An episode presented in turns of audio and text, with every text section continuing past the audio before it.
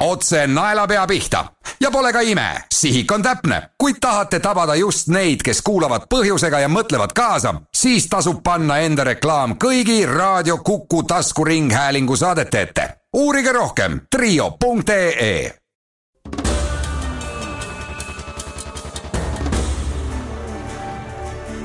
magneet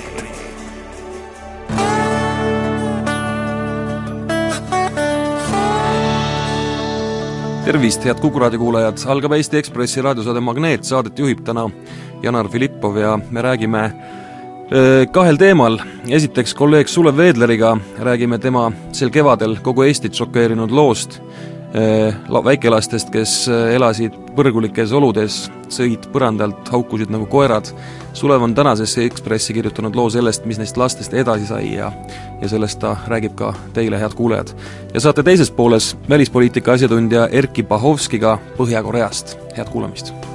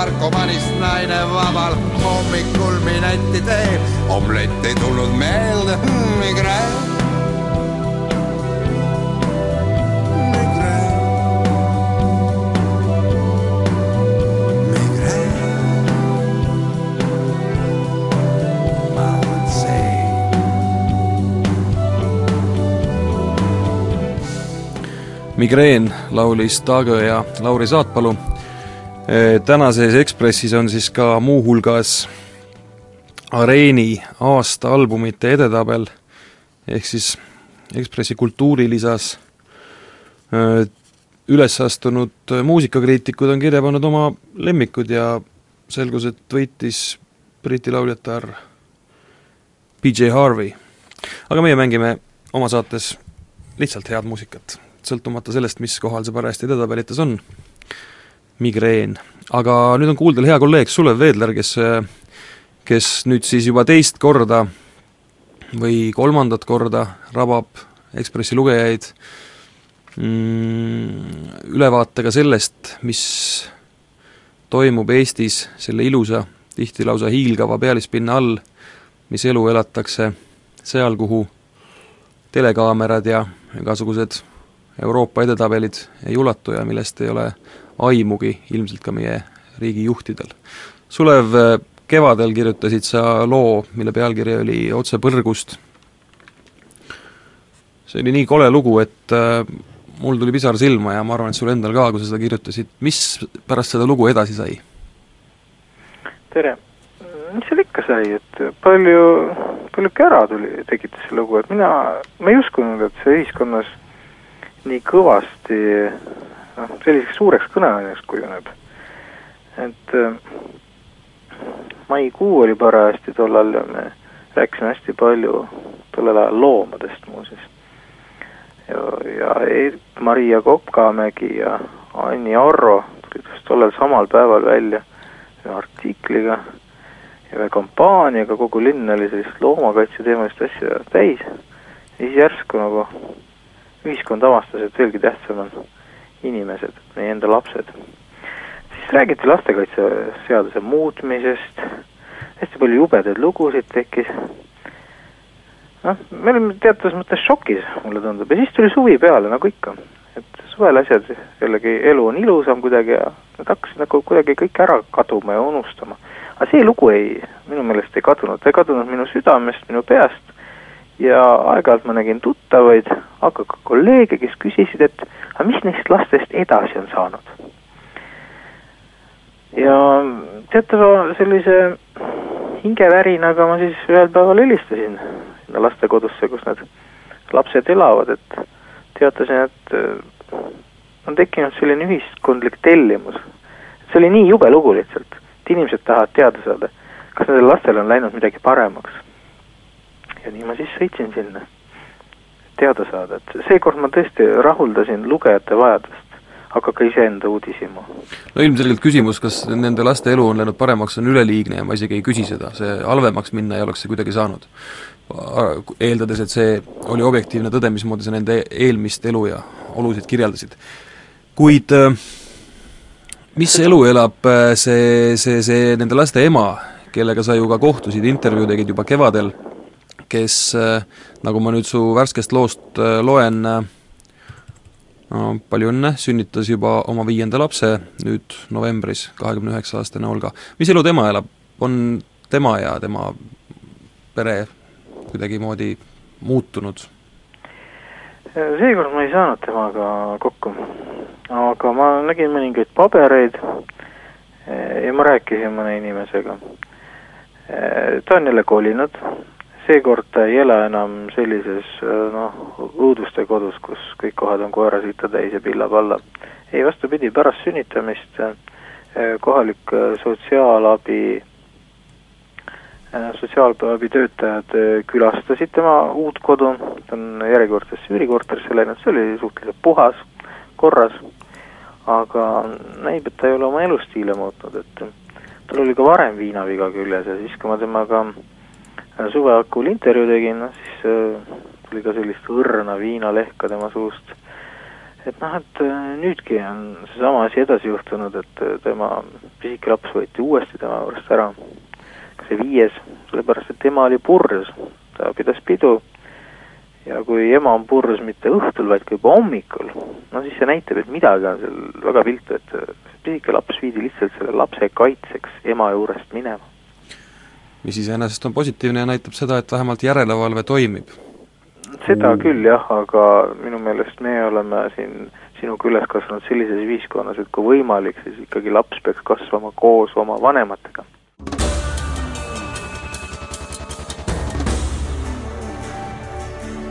magneet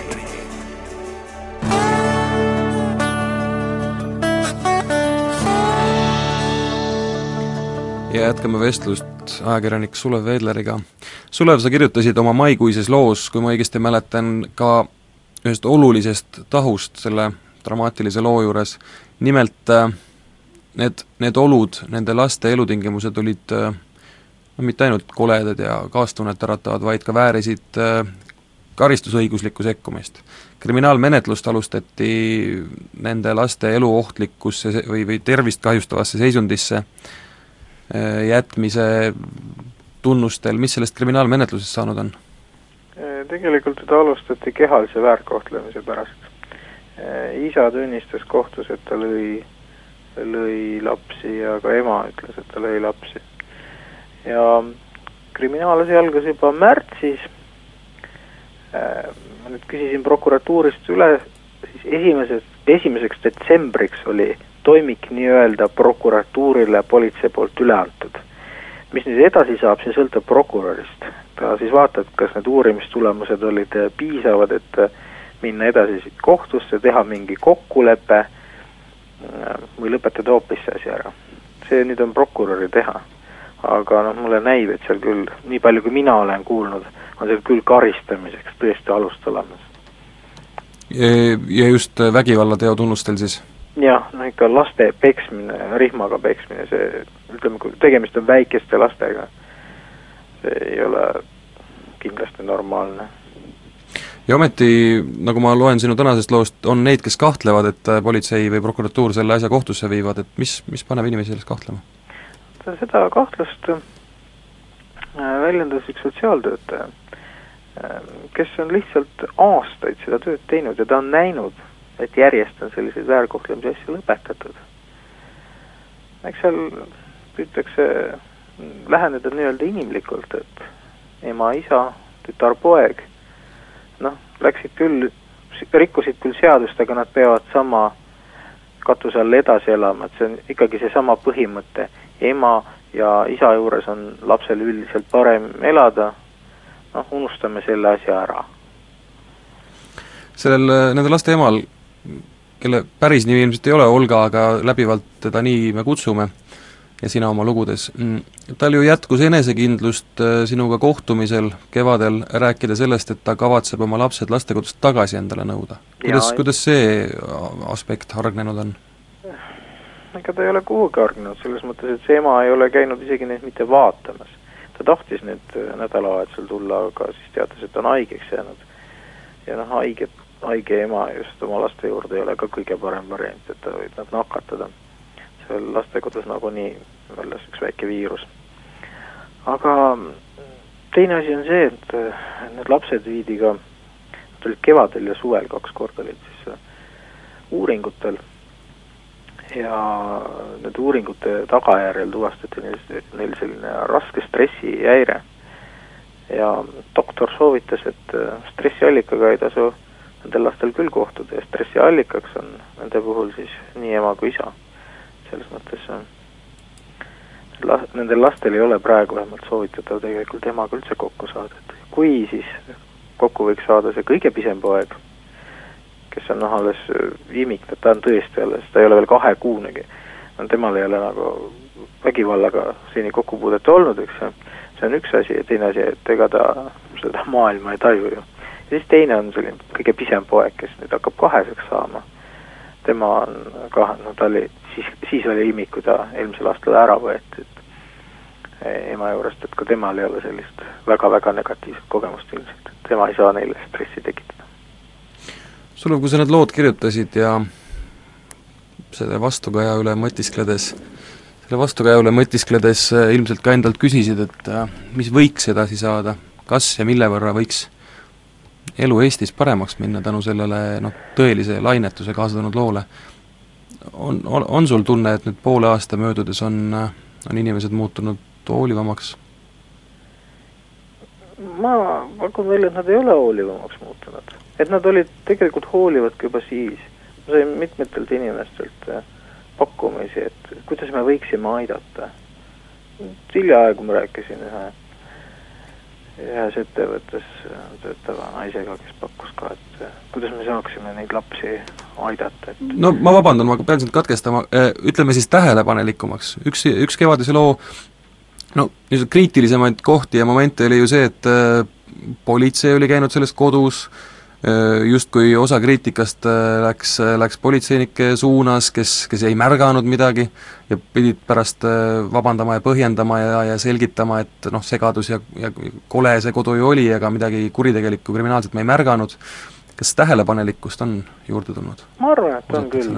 inimesed on hakanud, ma arvan, et seda mõttes nagu on tekkinud. vähemalt ma loodan väga. ja kui me vaatame neid juhtumeid, mis, kus on pidanud siis lastekaitsetöötajad sekkuma, siis nad on kogu aeg viimasel ajal kasvanud ja ja ma arvan, et eestlased ei ole läinud mitte hullemaks, vaid pigem siis inimesed, kas on läinud tähelepanelikumaks ja sotsiaaltöötajad on lihtsalt hakanud paremini tööd tegema. sa ütlesid, et sa käisid neid lapsi lastekodus vaatamas, lühidalt jõuan veel küsida su käest, kuidas äh, eluolud täna Eesti lastekodus, lastekodudes sulle tunduvad, on need äh, head või väga head? Mina pakuks selle viimase variandi väga hea need on tõesti hästi puhtad, hästi korralikud, seal on moodne sisustus, sul on väga sõbralikud kasvatajad. et eh, lastel on seal selles mõttes hästi hea elada, aga nagu me teame, kodu on meie jaoks alati kõige-kõige parem.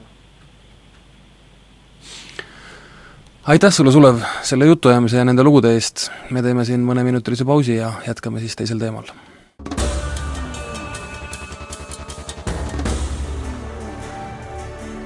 Magneet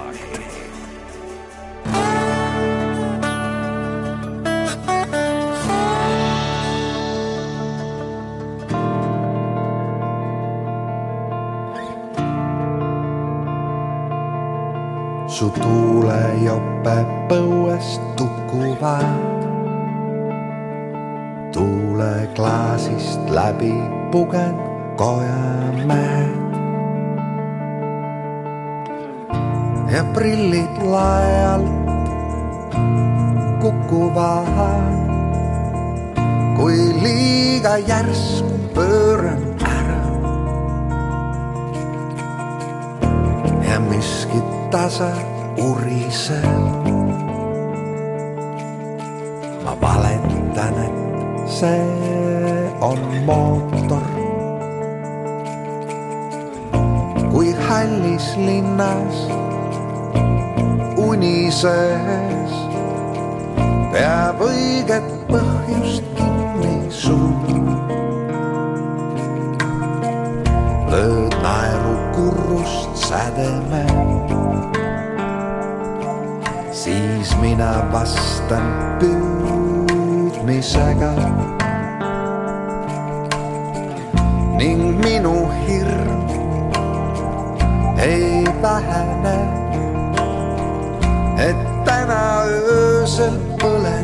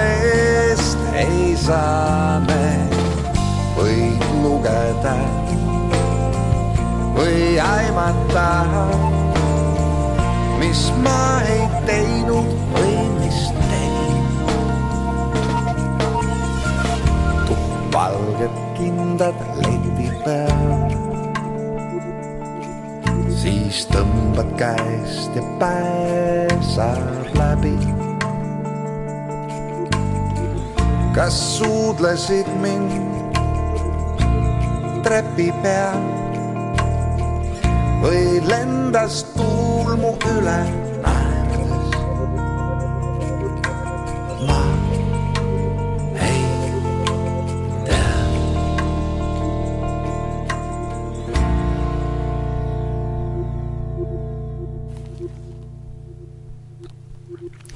ja magneet jätkub minu vestluskaaslaseks on nüüd Eesti Välispoliitika Instituudi juhatuse liige ja äh, välispoliitika tõeline asjatundja Erkki Bahovski. miks? aga sellepärast, et Erkki on kirjutanud tänasesse Ekspressi loo pealkirjaga Mis hakkab juhtuma Põhja-Koreas. tervist! tere päevast! kas see küsimus, mis hakkab juhtuma Põhja-Koreas, on tõepoolest oluline, meid kõiki mõjutav ja mõtisklema või mõtisklemist vääriv küsimus, või on see siiski kurioosumite rubriigist, nagu need pisikesed suuri kitarre mängivad tüdrukud või needsamad kaunitarid, kes siin valvel või marsisammul kõnnivad sinu loo illustratsioonil, kõik need suured kurioosumid või on Põhja-Korea siiski nii oluline koht ja see, mis seal nüüd lähiajal juhtuma hakkab, nõnda muret ja valvsust tekitav? no vaevalt, et teiste kurioosumite või sarnaste kurioosumite pärast, nagu need tüdrukud, mida sa mainisid, oleksid hakanud Jaapani, USA omavahel helistama ja ja Lõuna-Korea oleks siis mobiliseerinud eh, ennast kõrgemasse valmisolekusse, nii et noh, selles mõttes on tegemist nagu ikkagi tõsise probleemiga, noh, Eestist vaadates võib tunduda, et eh, tegemist on kauge piirkonnaga ja, ja kauge riigiga, aga natuke võiks mõelda nagu ettepoole, et eh, kui tõesti peaks puhkema kriis, siis eh, kes seda kriisi siis läheb lahendama, et ma seal artiklis mainisin võimalust, et ei ole ju täiesti välistatud, et sinna saadetakse ÜRO rahuvalvajad või siis ka NATO rahuvalvajad mingil kujul ja ei ole ju välistatud seegi, et nende rahuvalvajate hulka kuuluvad eestlased. see on muidugi kauge stsenaarium, aga, aga arvestades seda, et Põhja-Korea on tuumariik ja äärmiselt suletud riik, millest me mitte midagi ei tea, et parem karta kui kahetseda. kas see, et äh, tegemist on tuumariigiga ja, ja, ja väljaspoole sealt äh, objektiivset informatsiooni ilmselt eriti ei tulegi, äh, võib teisisõnu tähendada, et äh, maailm või vähemalt see piirkond seal on mingisuguse tiksuva pommi otsas. Äh, täiesti ettearvamatult võib tulla ühel hetkel äh, rünnak Lõuna-Korea või Jaapani suunas näiteks? No selles mõttes on, on asi lihtsam, et kui nagu võrrelda seda võimalust, et tuumarelv satuks Iraani kätte või et Iraan omandaks tuumarelva tegemise tehnoloogia, siis Põhja-Korea on ikkagi ennustatav, tegemist on ikkagi riikidevaheliste suhetega ja igaüks, kes on natuke uurinud totalitarismi või selline stalinistlikku mõtteviisi, saab, saab aru, et et eh, need mudelid, mis töötasid külma sõja ajal, töötavad põhimõtteliselt, ma ütlen põhimõtteliselt ka Põhja-Korea puhul no on väheusutav, et Põhja-Korea annaks tuumarelva mingisugustele terroristidele, seda erinevalt Iraanist, kes võib seda taktikat kasutada. et, et selles mõttes on Põhja-Korea liitumine, mulle tundub ennustatavam, aga see, mida siis uh, uus juhtkond võib mõelda või keda oma vaenlaseks pidada, kelle vastu alustada sõda, seda me muidugi täpselt ei tea. Erki, kuidas tänapäeva niisugustes diktatuuriühiskondades see võimu pärandamine käib, no annab Fidel Castro võimu üle Raul Castrole või, või annab siis Kim Jong-il võimu üle Kim Jong-unile, kas see on eks ole, ainuvõimalik on see, et või võim pärandatakse lähi, lähiringi sugulasele, vennale või pojale, see on üks asi, aga kui palju see noh, aastaid võimul olnud diktaator saab anda käske, korraldusi ja selgeid kõrvalekaldeid, mitte võimaldavaid ülesandeid siis ka sellele järeltulijale, et, et, et see just samasuguses suunas edasi liiguks? no ega väga palju ei saagi ju ja, ja noh, tegelikult on ju asjad ka muutunud, ma mõtlen nende järeltulijate puhul, et Kuuba võib-olla on muutunud vähe avatumaks, ka Aserbaidžaan, kus isa Alijev pärandas võimu pojale, on muutunud võib-olla märksa liberaalsemaks, noh, see on nii-öelda jutumärkides liberaalsemaks, aga aga Aserbaidžaan on võib-olla tõesti natuke läänelikum, kui, kui ta oli enne, kus siis isa Heidar Alievit ikkagi noh, saatis äh, varjuna see poliitbüroo kunagine liikmestaatus ja nii edasi, ja, ja natuke peab varuma ka aega ja, ja kannatust, sellepärast et äh, me räägime ikkagi praegu mõnest päevast. Aga sellised protsessid ei pruugi juhtuda kohe või tulemusi ei pruugi kohe näha, et kui me vaatame seda, mis toimus Nõukogude Liidus pärast seda, kui suri Stalin tuhat üheksasada viiskümmend kolm, siis läks ju mõni aasta aega, enne kui Nikita Hruštšov kindlustas endale selle liidripositsiooni ja pidas viiekümne kuuendal aastal kuulsa kõne partei kahekümnendal kongressil, et, et natuke ilmselt läheb aega, enne kui me hakkame aru saama, mis Põhja-Koreas üldse toimub. Huvitav on see, et äh, noorhärra äh, või tuleks põhjakorealaste puhul kasutada väljendit seltsimees, äh, võim, võimule ei olnud ta veel õieti saanudki ja ilmselt veel ei olnud seal ka mingisuguseid tseremooniaid toimunud, tema ametisse pühitsemist, kui Põhja-Koreas seda tehakse, kuid juba ilmusid ka Eestis uudised, et tegemist oli lapsepõlves sadistlike iseloomujoontega noormehega, miks, miks, miks, miks maailm niimoodi niisugust pilti üritab luua kellestki kriitilises piirkonnas võimule saavast inimesest? miks mitte proovida nii-öelda heaga? No mina olen kuulnud ka vastupidiseid versioone, et praegu on tõesti see, et, et me oleme silmitsi probleemiga, et ka tegelikult sellest Põhja-Korea uuest liidrist suurt midagi ei tea, et et meedia ilmselt üritab saada mingit narratiivi, mingisugust tervikpilti, aga neid kilde on nii vähe, siis üritatakse, noh, see on loomulik, eks ole, te teate ise ka ju, et, et kui te peaksite sellest kirjutama, siis hakkaksite tõesti otsima tema noorpõlvesõpru või õpingukaaslasi, et kuna ta Šveitsis õppis, siis äh, üritatakse sealseid õpingukaaslasi kätte saada ja siis nendele on jäänud võib-olla mulje, et tegemist oli äärmiselt iseka inimesega ja nii edasi, noh, arvestades tema tausta, siis on selge, et ta pidigi isik, isekas olema. samas mina olen kuulnud ka seda, et ta on isast ikkagi erinev ja, ja ei pruugi selliste liiderlike elukommetega olla, nagu, nagu oli tema isa. et noh, meedia võimendab üle ja, ja osaliselt on see võib-olla ka see, et, et võib-olla ka põhjakoreaalsed ise kultiveerivad seda pilti, et siis et siis vaenlased või need riigid, keda peavad vaenlaseks, vaenlasteks uut liidrit ka kardaksid, et ei ole ka välistatud see, et see pilt on ka teadlikult kultiveeritud. ja juhib tähelepanu mõnes mõttes kõrvale sellelt, et et salamisi saab tegelikult Lõuna-Korea praegu juba teha katseid läbirääkimisteks, Ameerika Ühendriigid samuti, mida ilmselt avalikult esialgu ei sobikski välja käia, noh me, kuidas me saame sellise riigiga läbi rääkida, umbes nii, eks ole. praegu antakse mingi kont hambusse avalikkusele, maailma avalikkusele, aga tegelikkuses usud sa näiteks, et, et käivad praegu, käib niisugune kompimine, et võib-olla, võib-olla nüüd nooremal mehel on teistsugused vaated, hea haridus, mõistab seda, et rahu on parem kui pidev pingeseisund? no siin, siin ma oleksin äärmiselt ettevaatlik et, et äh, meenutan, et täpselt samasugust kuvandit, nagu sa praegu ütlesid, äh, räägiti või, või, või kirjeldati ka Venemaa praeguse presidendi Dmitri Medvedjevi kohta. siis räägiti samamoodi, et Dmitri Medvedjev on liberaalsem, avatum ja, ja läänele võib-olla võimalus ja siis tuli Vene-Gruusia sõda.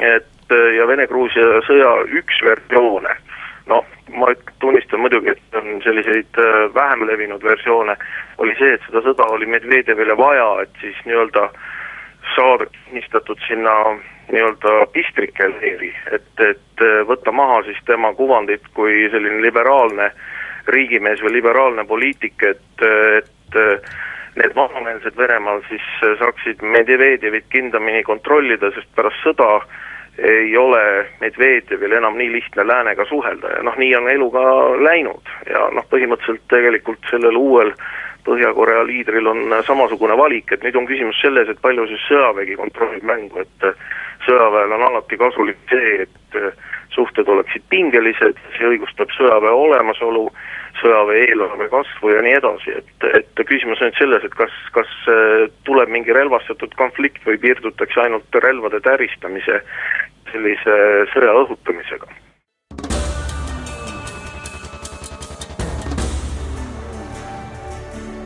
magneet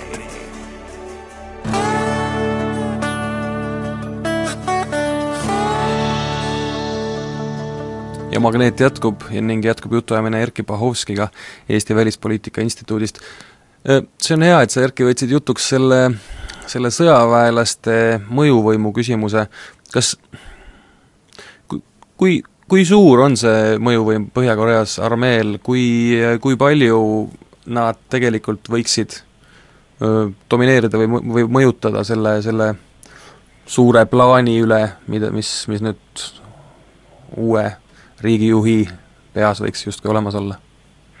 no loomulikult ei ole mul mingisugust äh, seestpoolset äh, informatsiooni, aga meie käsutada on mingisugused numbrid ja, ja need ütlevad seda, et äh, per capita ehk ühe inimese kohta on Põhja-Korea armee maailma suurim.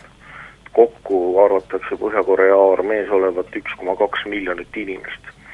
Seda on siis natuke vähem kui terve Eesti ja võib-olla uue rahvaloenduse järel juba rohkem kui terve Eesti. me veel rahvaloenduse tulemusi Eestis ei tea.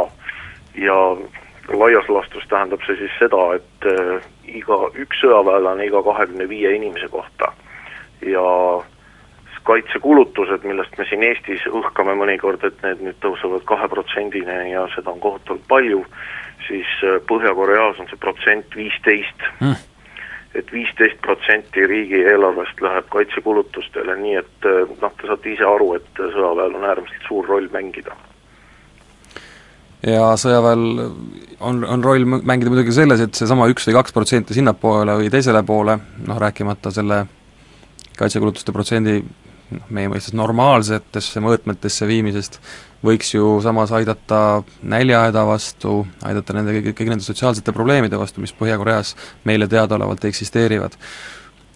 kuidas see kuidas see riigijuhi vahetus võiks mõjutada tavalisi Põhja-Korea inimesi, kes ilmselt siiski natuke saavad aru, mis toimub väljaspool, eh, kes võiksid tahta riigist mingil hetkel hakata põgenema ja, ja, ja ja või, või, või mingid teistpidi sotsiaalsed plahvatused võiksid ehk toimuma hakata, nüüd justkui tunduks olevat sobiv aeg selleks?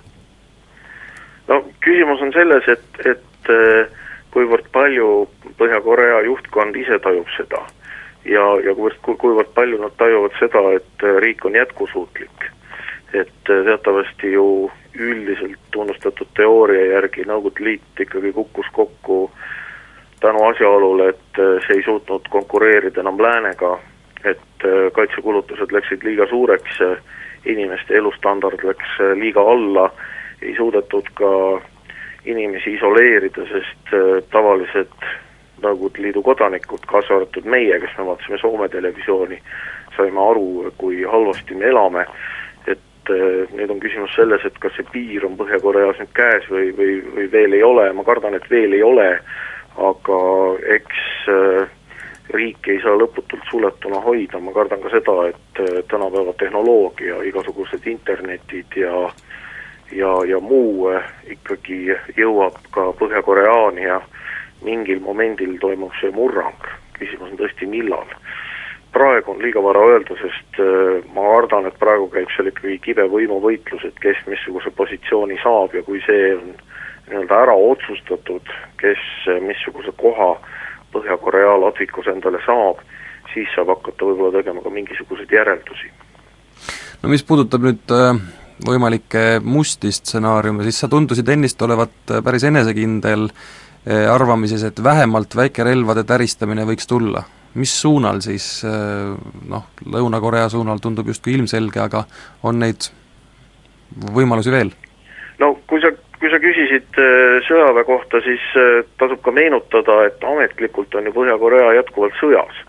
ametlikult on sõjaseisukord Korea sõda lõppes viiekümne kolmandal aastal vaherahuga ja seda vaherahu ei ole rahuks muudetud. et äh, loomulikult on see jah, põhivaenlane Lõuna-Korea, teine nii-öelda suur vaenlane on USA ja ka Jaapan, noh ajalooliselt ju meenutame, et Jaapan on Korea okupeerinud, äh, Korea iseseisvus tuhat üheksasada üheksateist just Jaapani okupatsioonivõimu alt ja, ja siis ka neljakümne viiendal aastal siis tegelikult ka Jaapani võimu alt uuesti. nii et eh, noh, selles mõttes need relvade eristamised tulevad ilmselt eh, nendes suundades ja liitlastena ilmselt Põhja-Korea näeb siis Hiinat ja Venemaad, Hiinat suuremal määral, Venemaad võib-olla vähemal määral.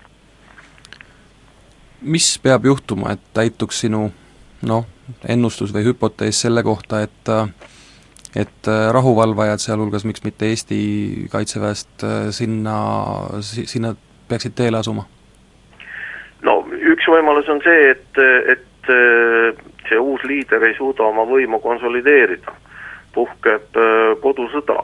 Ja üks pool küsib abi Lõuna-Korealt ja siis see tähendab ilmselt automaatselt ka USA-lt ja kuna tegemist on tuumariigiga, siis äh, ma kardan lihtsalt seda, et see on minu isiklik arvamus muidugi, aga, aga ma kardan lihtsalt seda, et kuna see tuumakohver võib sattuda mingisuguse äh, osapoole kätte, siis ei jõuta läbi teha ka sellist rahvusvahelist protseduuri läbirääkimised ÜRO Julgeolekunõukogus, resolutsiooni vastuvõtmine ja nii edasi, sest reageerida tuleb kohe, et küsimus võib olla mõnes päevas, enne kui mingisugune tõesti sõjaline liider need raketid käiku laseb, et, et ma kardan jah, et siin on olukord erinev Liibüast, kus siis ei olnud tuumarelva ja see asi läks ÜRO Julgeolekunõukokku ja tegelikult rahvusvaheline üldsus reageeris siiski küllalt ruttu, aga ma kardan, et kui Põhja-Koreas peaks puhkema mingi konflikt, siis äh, aega nii palju ei ole. aga Erkki Bahovski, suur tänu selle jutuajamise eest, head kuulajad, vaadake Eesti Ekspressist lisa, Erkki lugu on põhjalik ja asjatundlik. Äh, ma ütlen veel, et tänases Ekspressis on ka nii-öelda klassikalise rubriigi päkapikud asemel Äh, uued raamatud, Ekspressi raamatukogu kaks tuhat üksteist läbi huumoriprisma. Aasta sündmused, olulisemad on siis kokku võetud esikaantel, näiteks on siin Kaimo Järviku sulest ilmunud Minu murru. Või siis Mart Ummelase Vihakobarad. ja neid näiteid on siin veel, Are-, Areeni aasta albumid, nagu juba öeldud, ja üht-teist head veel. aga selleks korraks on kõik, saadet jääb lõpetama Taagöö, lugu Kultuuripealinn ja teatavasti on siis täna ka Kultuuripealinna aasta mm, sündmust, sündmuste äh, lõppakord ja hoidke Tallinnas kõndijad silmad lahti, näete kindlasti midagi põnevat ja ilusat veel. aga Magneet taas nädala pärast, häid jõule ja kõike head!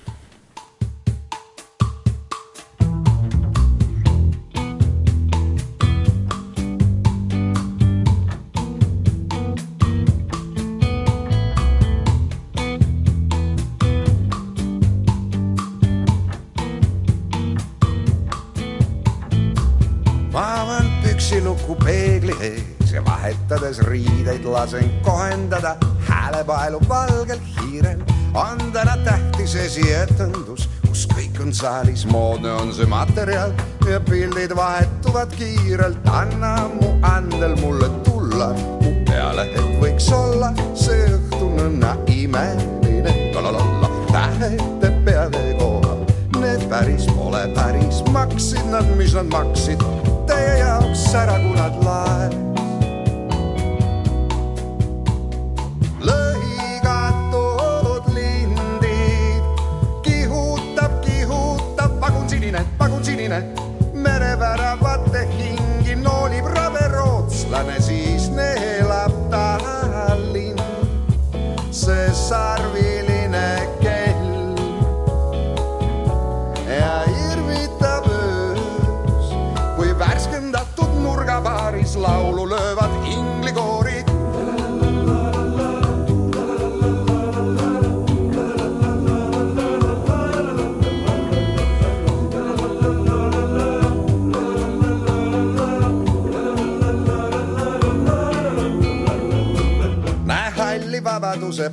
platsi ladunud kuhja legoklotsi, tõrva röökiv polgu üle narri kuljust püüdes. tooge mulle nailon tiivad, mis mind lahingusse viivad risti-rästi nagu kästi. valemajakas on püsti, anna mu arved mulle tulla mu peale, et võiks olla teil parem, kui ka tulete te juba parem. tähed te peade kohal, need päris pole päris, maksid nad, mis nad maksid teie jaoks poosime nad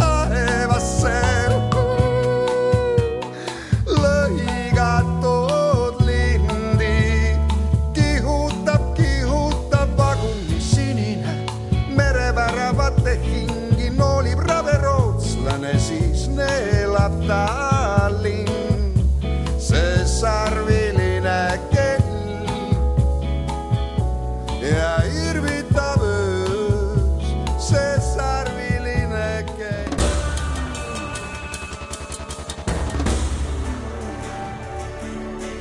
magneet